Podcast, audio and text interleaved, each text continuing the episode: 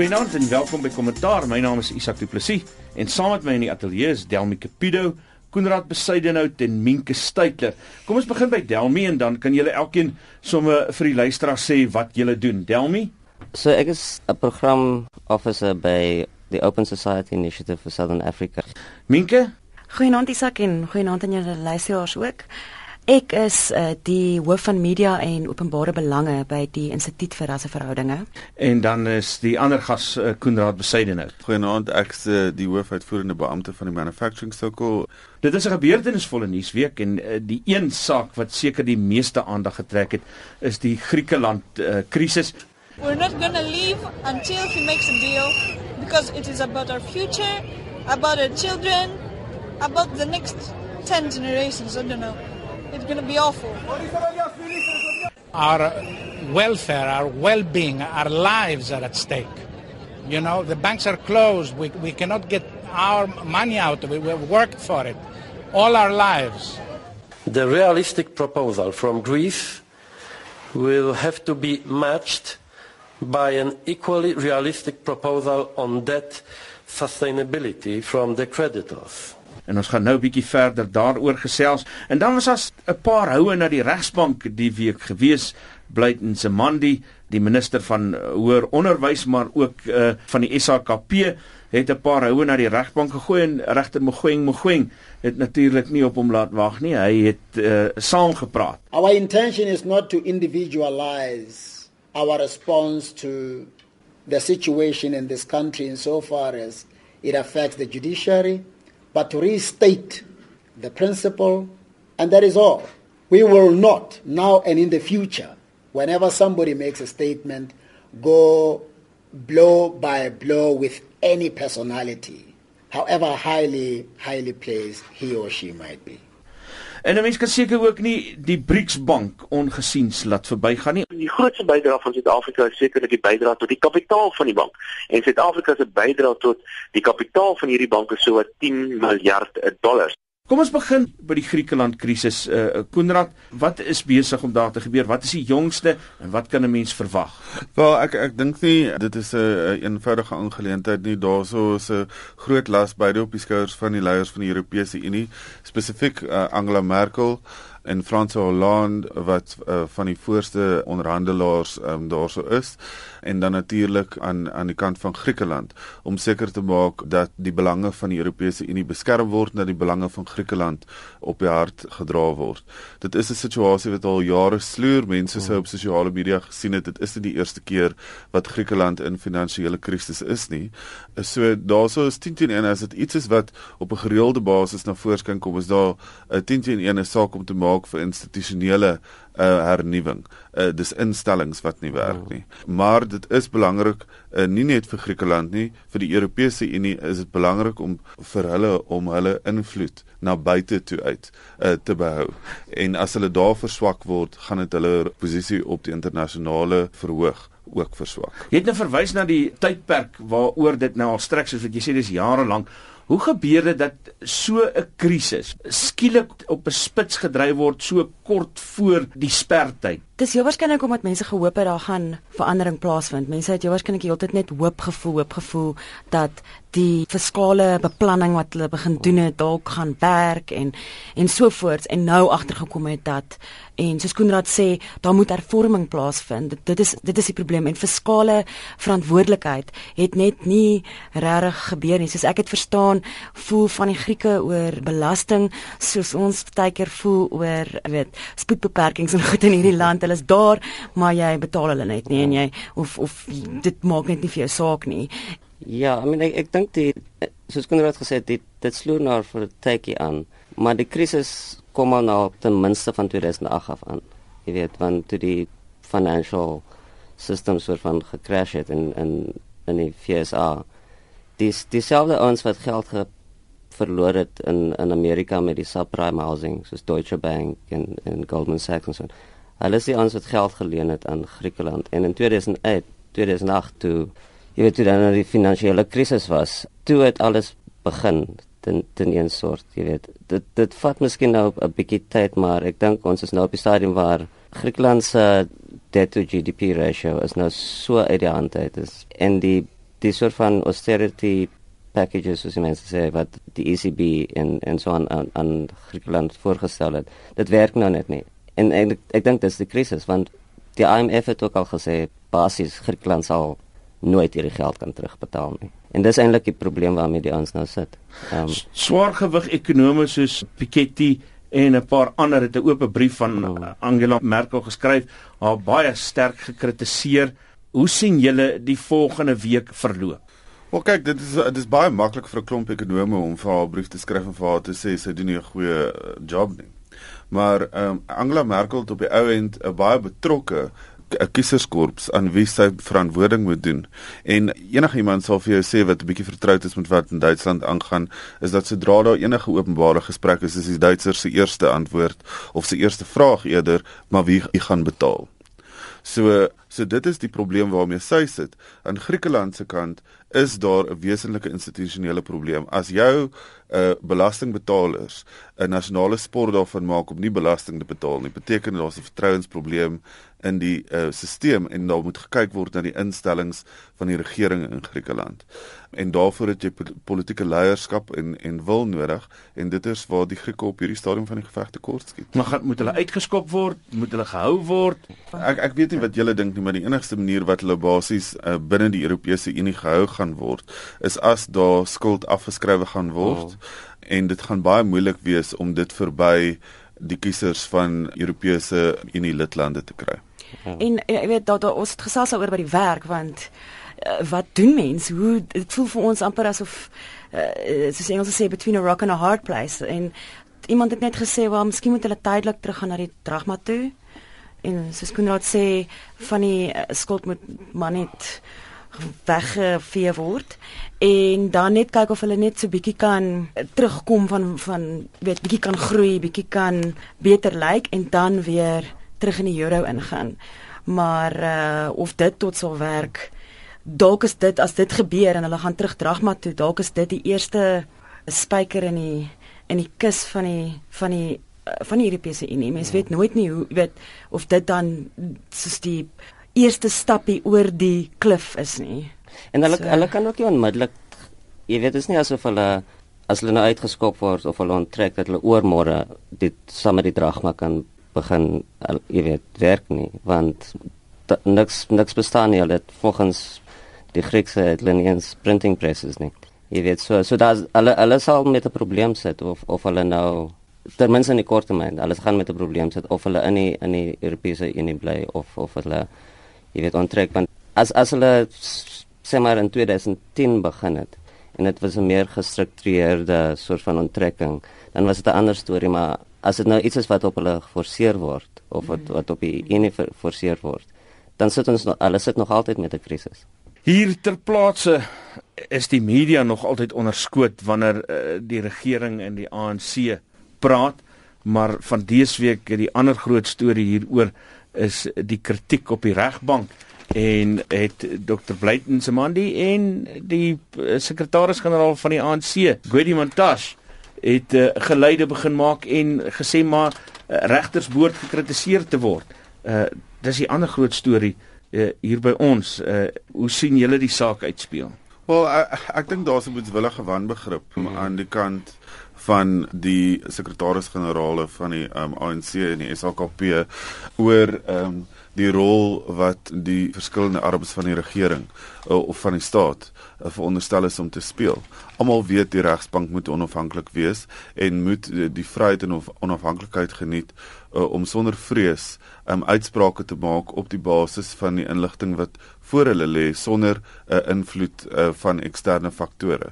Dit gaan oor wat die wet sê. Dit gaan nie oor wat die uh, politiek van die dag voorskryf nie. En daar is uh, definitief uh, poging om dit teen te werk uh, vir politieke redes van oh. Godimantash en Blyden Zamandi se kant af en dit wek kommer dit is die tipe van ding wat op die ou end maak dat beleggers uh, minder vertroud is met ons instellings uh, uh wetlike instellings en wat maak dat die enigste ouens wat in jou um, land bereid is om in jou land te belê op die ou end uh, ouens is wat hoë risiko sal aanvaar en daardie is nie gewoonlik uh, die vriendelikste beleggers nie. Dit is gewoonlik ouens wat uh, bereid is om 'n paar ander hoeke ook te sny. Moet ons bekommerd wees daaroor. Ja, dit uh, dit is vir ons net weer 'n aanval op uh, op op demokratiese belange in Suid-Afrika. Dit is baie net ons sien dit in wetgewing, ons sien dit in wetsontwerp dat die regering wil meer en meer en meer beïn invloed hê op alle vlakke van Suid-Afrikaanse samelewing.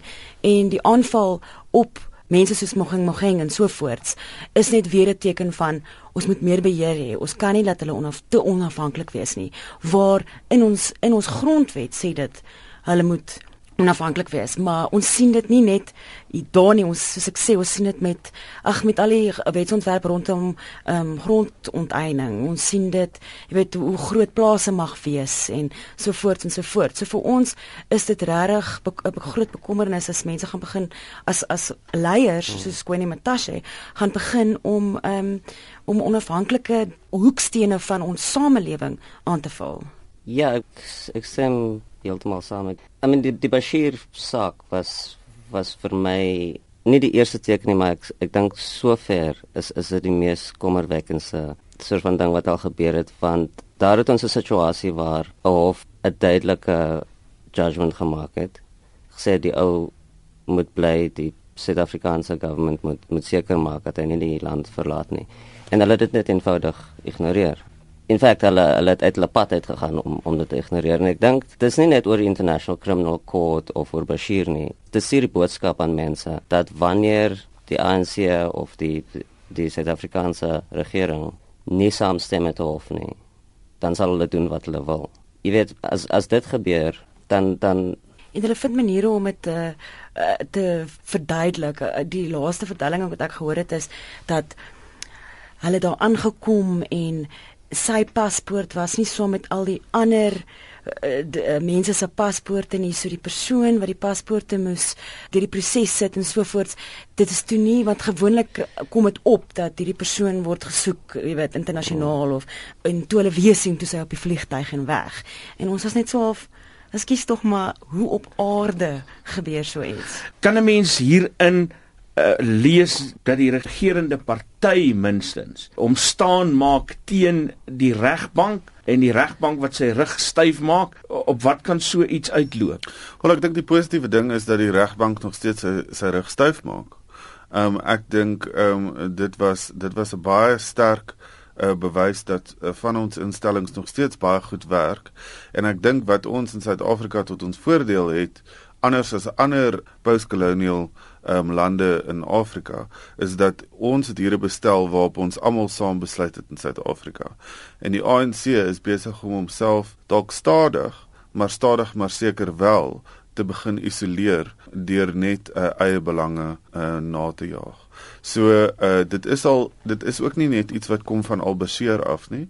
Daar is 'n lang geskiedenis van die vroeë 2000s al ten minste waar die hof gebruik moet word net om basiese dienslewering aan gemeenskappe uh uh, partykeer baie van die armste gemeenskappe in afgeleë gebiede wat die gesondheid van moeders en kinders aanraak waar die hof gebruik moet word om die regering te kry om daardie dienste te lewer en die regering dit teengaan. So dit gebeur op voedselvlak, op plaaslike vlak, provinsiale vlak en dit moet ons selfs eintlik meer bekommer uh, as wanneer dit kom want daarso is 'n uh, gevalle byvoorbeeld waar besighede hulle self tot uh, die hof moet wend om die regering te kry om die regulatoriese aspekte aan te spreek soos pryse van elektrisiteit in munisipaliteite en so aan. Daar was 'n geval in Nelson Mandela Bay uh, nou nie te lank terug nie. En as die voorbeeld gestel gaan word deur die nasionale regering dat as jy nie hou van 'n hofuitspraak, jy dit net kan ignoreer nie, uh, dan is daar nie net probleme op 'n uh, politieke vlak nie, maar wel op maatskaplike en ekonomiese vlak vir ons uh, in in die nabye toekoms. En ek moet ook net sê dat wat dag tot dag gaan gebeur, mag dalk nie 'n impak uh, hê op die rand en die vertroue van beleggers nie, maar oor die lang termyn is dit besig om dit weg te kalwe en te ondermyn en dit is wat baie belangrik is. Ek ek dink dit is ook uh, belangrik om te sê dat dit nie net oor die howe gaan nie. Ehm um, dit is deel van 'n patroon waar die regerende party, jy weet hulle ons chapter 9 institutions, Balek en Bete het nou onlangs gesê hulle moet almal in een gesit word. Jy weet so en en dis die institutions wat ons ons konstitusie en die regte wat in ons konstitusie is soort van underwrite en, en so die human rights commission en daai tipe van mense. Jy weet ons al gesien met die met die NPA wat daar aangaan. Ehm um, dis natuurlik baie skrikwekkend as as jy begin met met die soort van independence van die van die van die howe te aan te vat maar dis dis nie net die howe nie dis dis dis verskeie institusies wat nou oor 'n lang tydperk wat ons nou sien ehm um, jy weet wat die regerende party undermine en men, jy weet mense kan sê of dit jy weet net die president se maar, maar op die einde van die dag maak dit nie saak nie. Dit of dit nou is oor Zuma of of dit 'n groter soort van prentjie is. Ehm um, ek dink die patroon wat ons kan sien is is waaroor ons moet bekommerd wees. Pragter Mgoeng het nou weliswaar sy sy rug styf gemaak, maar hy het ook gesê dat die regbank nie bo kritiek verhewe is nie. Is dit maar 'n poging om die ANC nog ter wille te wees of uh, is daar iets dieper agter dit? Nee, ek dink ek dink dit is uh, heeltemal reg. Ek bedoel dit staan mense vry om kritiek uit te spreek. Uh en dit staan mense vry om uh die regte prosesse te gebruik om instellings te hervorm waar dit nodig is. En as die kiesers vir die ANC die mandaat gee om dit te kan doen, uh dan is dit intedeel die ANC se verantwoordelikheid om dit te doen, maar dit is nie waarmee ons hier te doen het nie. Hulle het nie die nodige mandaat om die hervorming te doen nie. En hervorming hierso is nie regtig die doelwit nie. Die doelwit is om die regbank skrik te maak. Oh. Ehm um, en om hulle daar in 'n situasie te sit waar dit outomaties sal gebeur dat hulle nie die regering of bevindings teen die regering sal maak nie en dit is daar waar ek dink waar Mogeng se uitsprake definitief ehm um, eerbaar is en en en waar mense kan sê hy het goeie werk gedoen namens die land.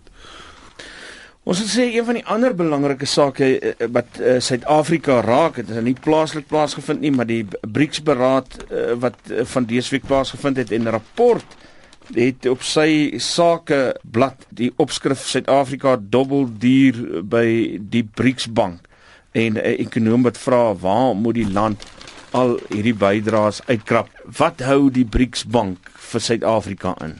Dit moet baie goed bestuur word vir ons om te glo dat dit tot Suid-Afrika se beswil gaan wees. En ek meen dit dit gaan ons eers weet oor oor 'n tydjie, oor heel waarskynlik 'n paar jaar. Maar net op hierdie stadium, weet, as ons net kyk nou hoe ander goed bestuur word en ons weet almal dat dit is nie altyd tot die beste nie, is ons bietjie nie bietjie nie, ons is eintlik baie bekommerd dat uh jy weet, waar gaan die geld vandaan kom en hoe gaan dit bestuur word en gaan dit regtig in die langtermyn beter wees vir Suid-Afrika as ander organisasies wat klaar bestaan. Jy weet, soos die IMF en en die Wêreldbank en so voort en so voort. Ek weet nie uh, hoe voel julle nie, maar dit, dit lyk vir my die die ander soos van issue met die BRICS Bank is dat dat op dis nou 'n baie minder aantreklike proposisie as wat dit dalk 'n paar jaar gelede sou mm, gewees het mm. want want Rusland het jy weet dit se eie probleme. India se ekonomie is nie eintlik meer wat dit was nie. China jy weet hulle hulle het ook probleme en ons is al klaar soos van 'n junior partner in die hele storie so ek dink dis dis op die stadium is dit 'n goeie vraag om te vra. Is dit nog iets wat as dit ooit vir ons 'n voordeel ingehou het? Ehm um, jy weet, het dinge nie nou al soveel verander dat dit nou nie meer so aantreklik sou wees nie as dit in die eerste plek aantreklik was. Ja, vra jy is, ja, nog altyd die klein S, ja. maar ons SC is nog ja. kleiner en kleiner en ons SC word net kleiner. So vra jy die vraag of dit enige doel dien dat Suid-Afrika uh, deel is van BRICS? Ja. Maar ek dink op op 'n stadium kon 'n mens miskien gesien het wat die logika is agter die ding. Jy weet, want uh die IMF en en die World Bank um alles uh jy weet uh beleid as as hulle vir geld gee en so aan is iets wat nog altyd vir jare wrywing veroorsaak het saam met uh baie van die Afrikaanse lande. So ek dink die idee was miskien dat jy weet ons gaan 'n 'n soort van ander fonds het wat ons kan gebruik en waar hulle miskien nie vir ons soveel vrae sal vra nie. Maar ja, die befondsing van van die hele storie is een saak, maar of dit nou nog sin maak, weet ek net nie. Wel, ek dink nie daar sou 'n opsie vir Suid-Afrika om te onttrek hieruit nie, maar ek dink mense moet ook ehm um, kyk uh, na na wat is die oorsprong van die BRICS.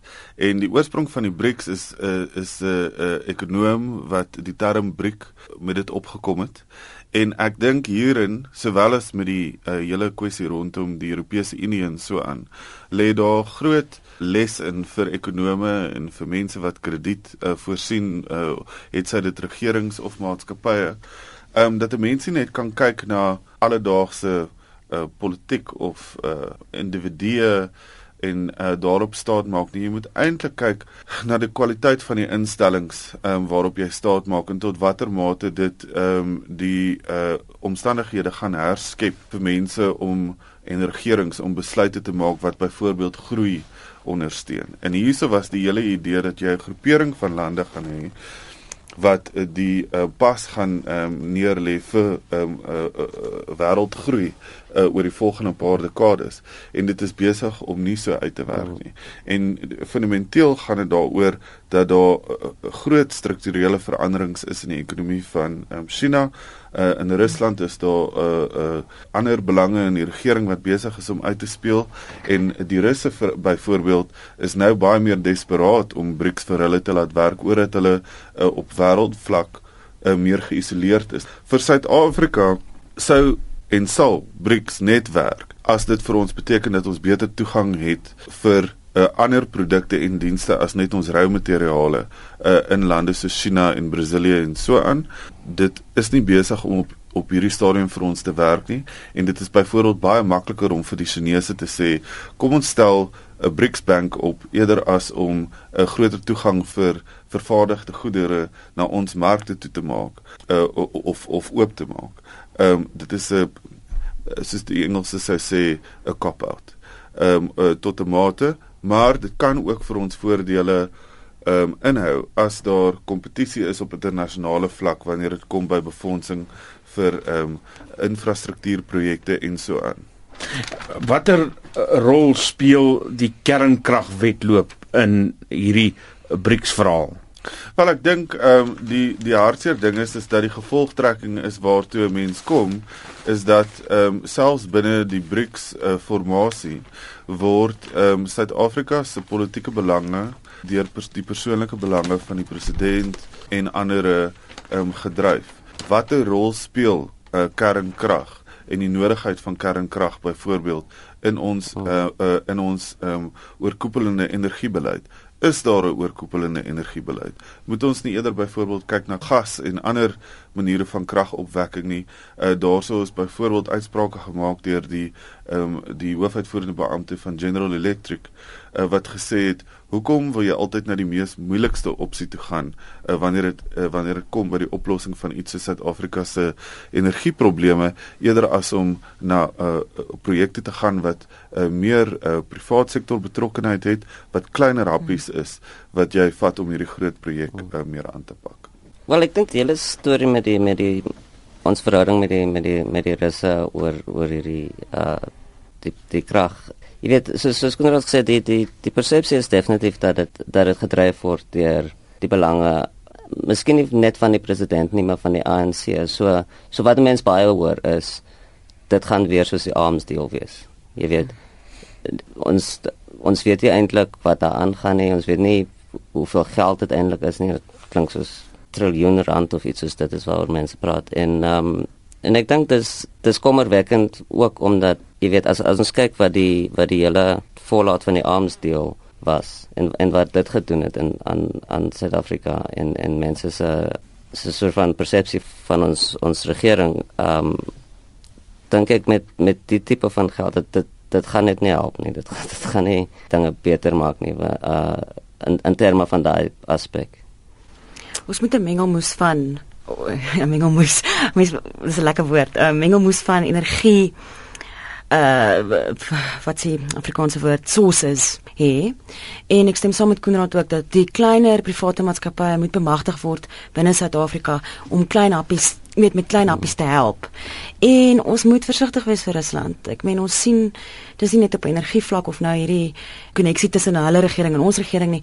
Dis tot mens sien wat Rusland wil doen. Rusland eintlik Rusland is ook besig om aan die kant van die Griekse krisis ook te hang en Rusland soek meer mag. Ons moet liewer tuis kyk en kyk of ons nie hier 'n oplossing kan vind nie. Soos om ons eie uh lokomotiewe te koop. Byvoorbeeld dit ook ja. Maar 'n mens moet hoog maak. Inderdaad, ja. En eh uh, Prasa het toe te hoog gemik uh en blykbaar ook hulle uitvoerende beampte um, wat uh gemik het vir hoë kwalifikasies en dit nou blyk uh, nie te kan um te kan bewys daarvan um uh, lewer nie. So dit dit is ietsie wat um vir ons moet kommer skep, maar natuurlik is daar kommer oor 'n hele rits van ons uh openbare maatskappye um, wat sukkel. Konrad se praat nou van die openbare maatskappye Prasa het hierdie week nuus gemaak. Hoe maak Suid-Afrikaners met net nog 'n storie wat iemand te hoog voorgemik het.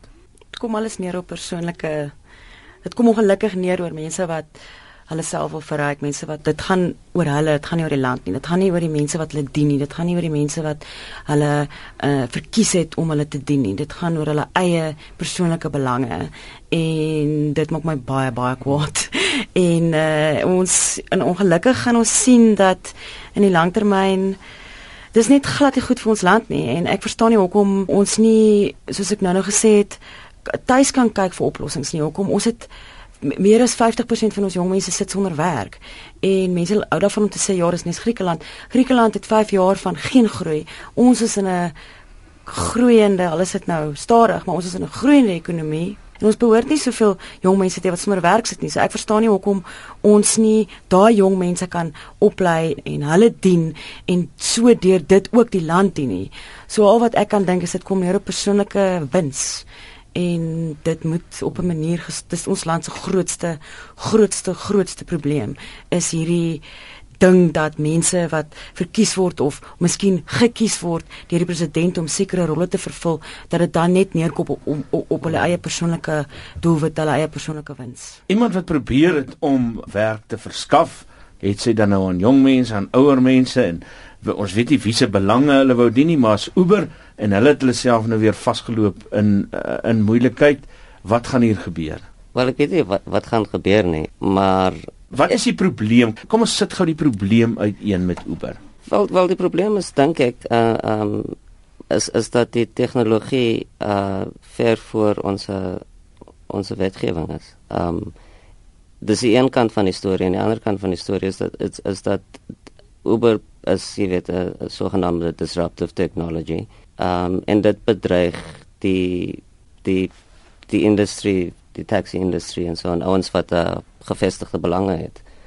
Um en ek dink dis dis die twee elemente van die van van die saak hoe dit uitgewerk word. Uber het hulle eerste probleme in die Weskaap begin kry, maar ek hoor uh Helen Zille is nou besig om ander geleide oor Uber te maak. Dis in 'n aanleiding van Delmi se uitlating hieroor die tegnologie wat die ekonomie vooruit is. Ja, ek dink Delmi is heeltemal reg in sy opsomming. Uh, ek dink uh, waarvoor 'n mens 'n uh, uh, uh, plan kan uitloop vir Helen Zille wat uh, na vore gekom het met haar ehm um, 'n uh, nuwe nuusbrief uh, uit die premier se kantoor uit in die Wes-Kaap waar sy erken het dat die regulatoriese raamwerk um, vir die taxi-industrie nie voorsiening maak vir uh, sogenaamde e-hailing ehm um, dienste wat wat daar nou is nie. En dit is regtig belangrik om van die politici en uh, beleidsmakers daai tipe van uh, bewustheid uh, te sien uh, omdat dit nie net die uh, taxi-industrie gaan ehm um, uh, impak op hê nie maar ook in ander areas. Dit is byvoorbeeld uh, ons weet van Airbnb ons uh, weet van ehm um, ander uh, sogenaamde um, apps of uh, foontoepassings wat toepassingsprogramme wat uh, dieselfde tipe van dinge in ander uh, industrieë doen. Daarso is meer wat gaan kom ook. Daarso is byvoorbeeld 'n diens wat genoem word BlaBlaCar uh, wat in ander lande alreeds beskikbaar is waar jy uh, mense kan kry om uh saam met jou te ry op op langer afstandritte en so ehm um, die koste kan deel. Beteken dit dat die bestuurder van daardie motor wat 'n privaat persoon is, nou aan ander vereistes gaan moet doen of gaan die wetgewing daarvoor voorsiening maak? En dit is daai tipe van goed wat aangespreek moet word.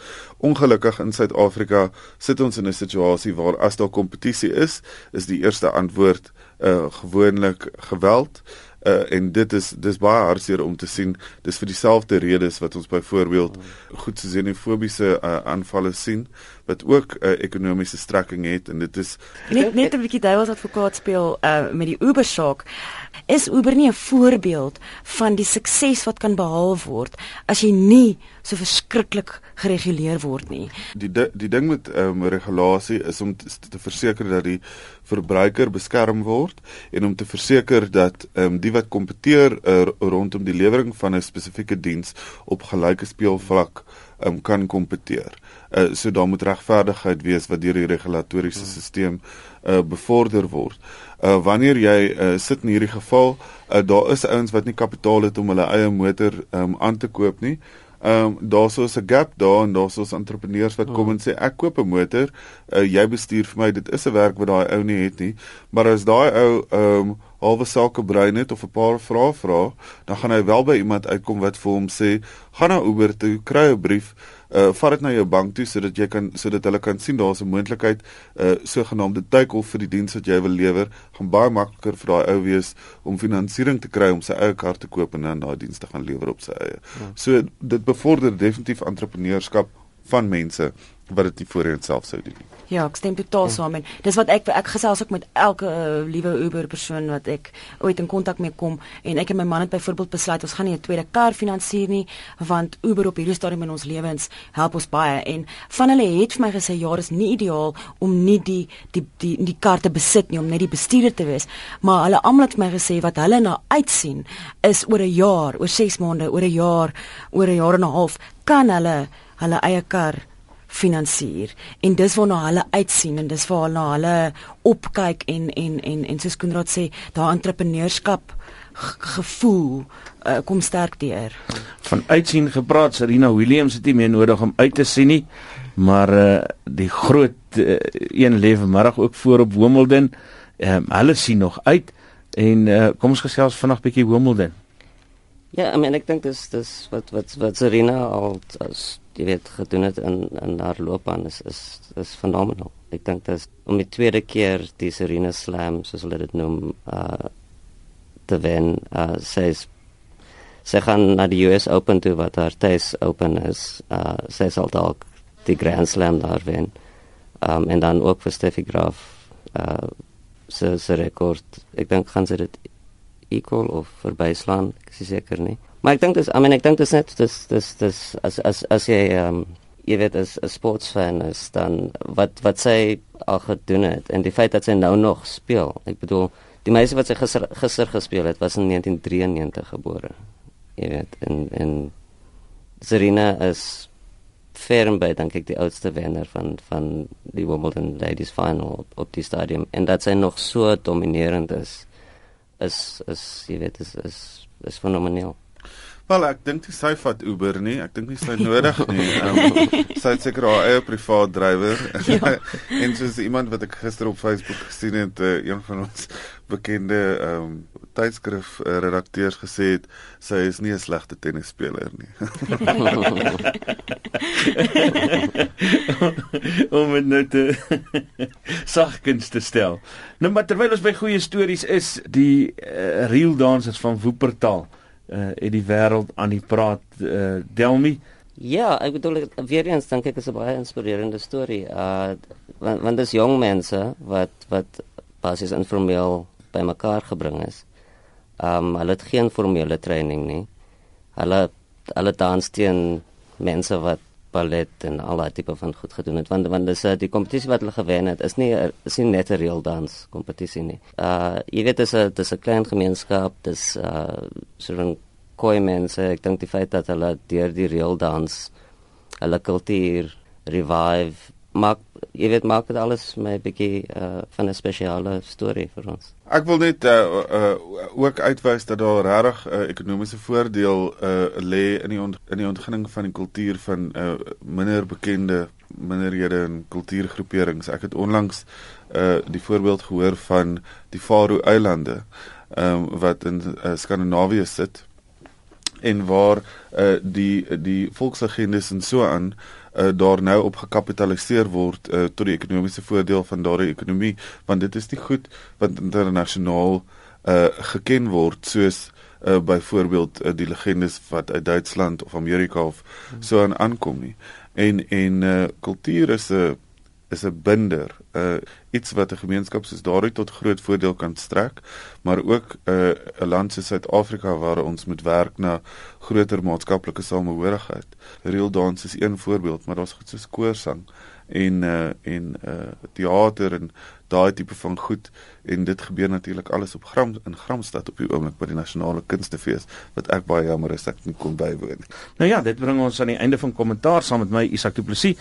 My gaste in die ateljee was Delmi Capido, Koenraad Besuidenhout en Minke Steytler. Ons groet tot volgende week.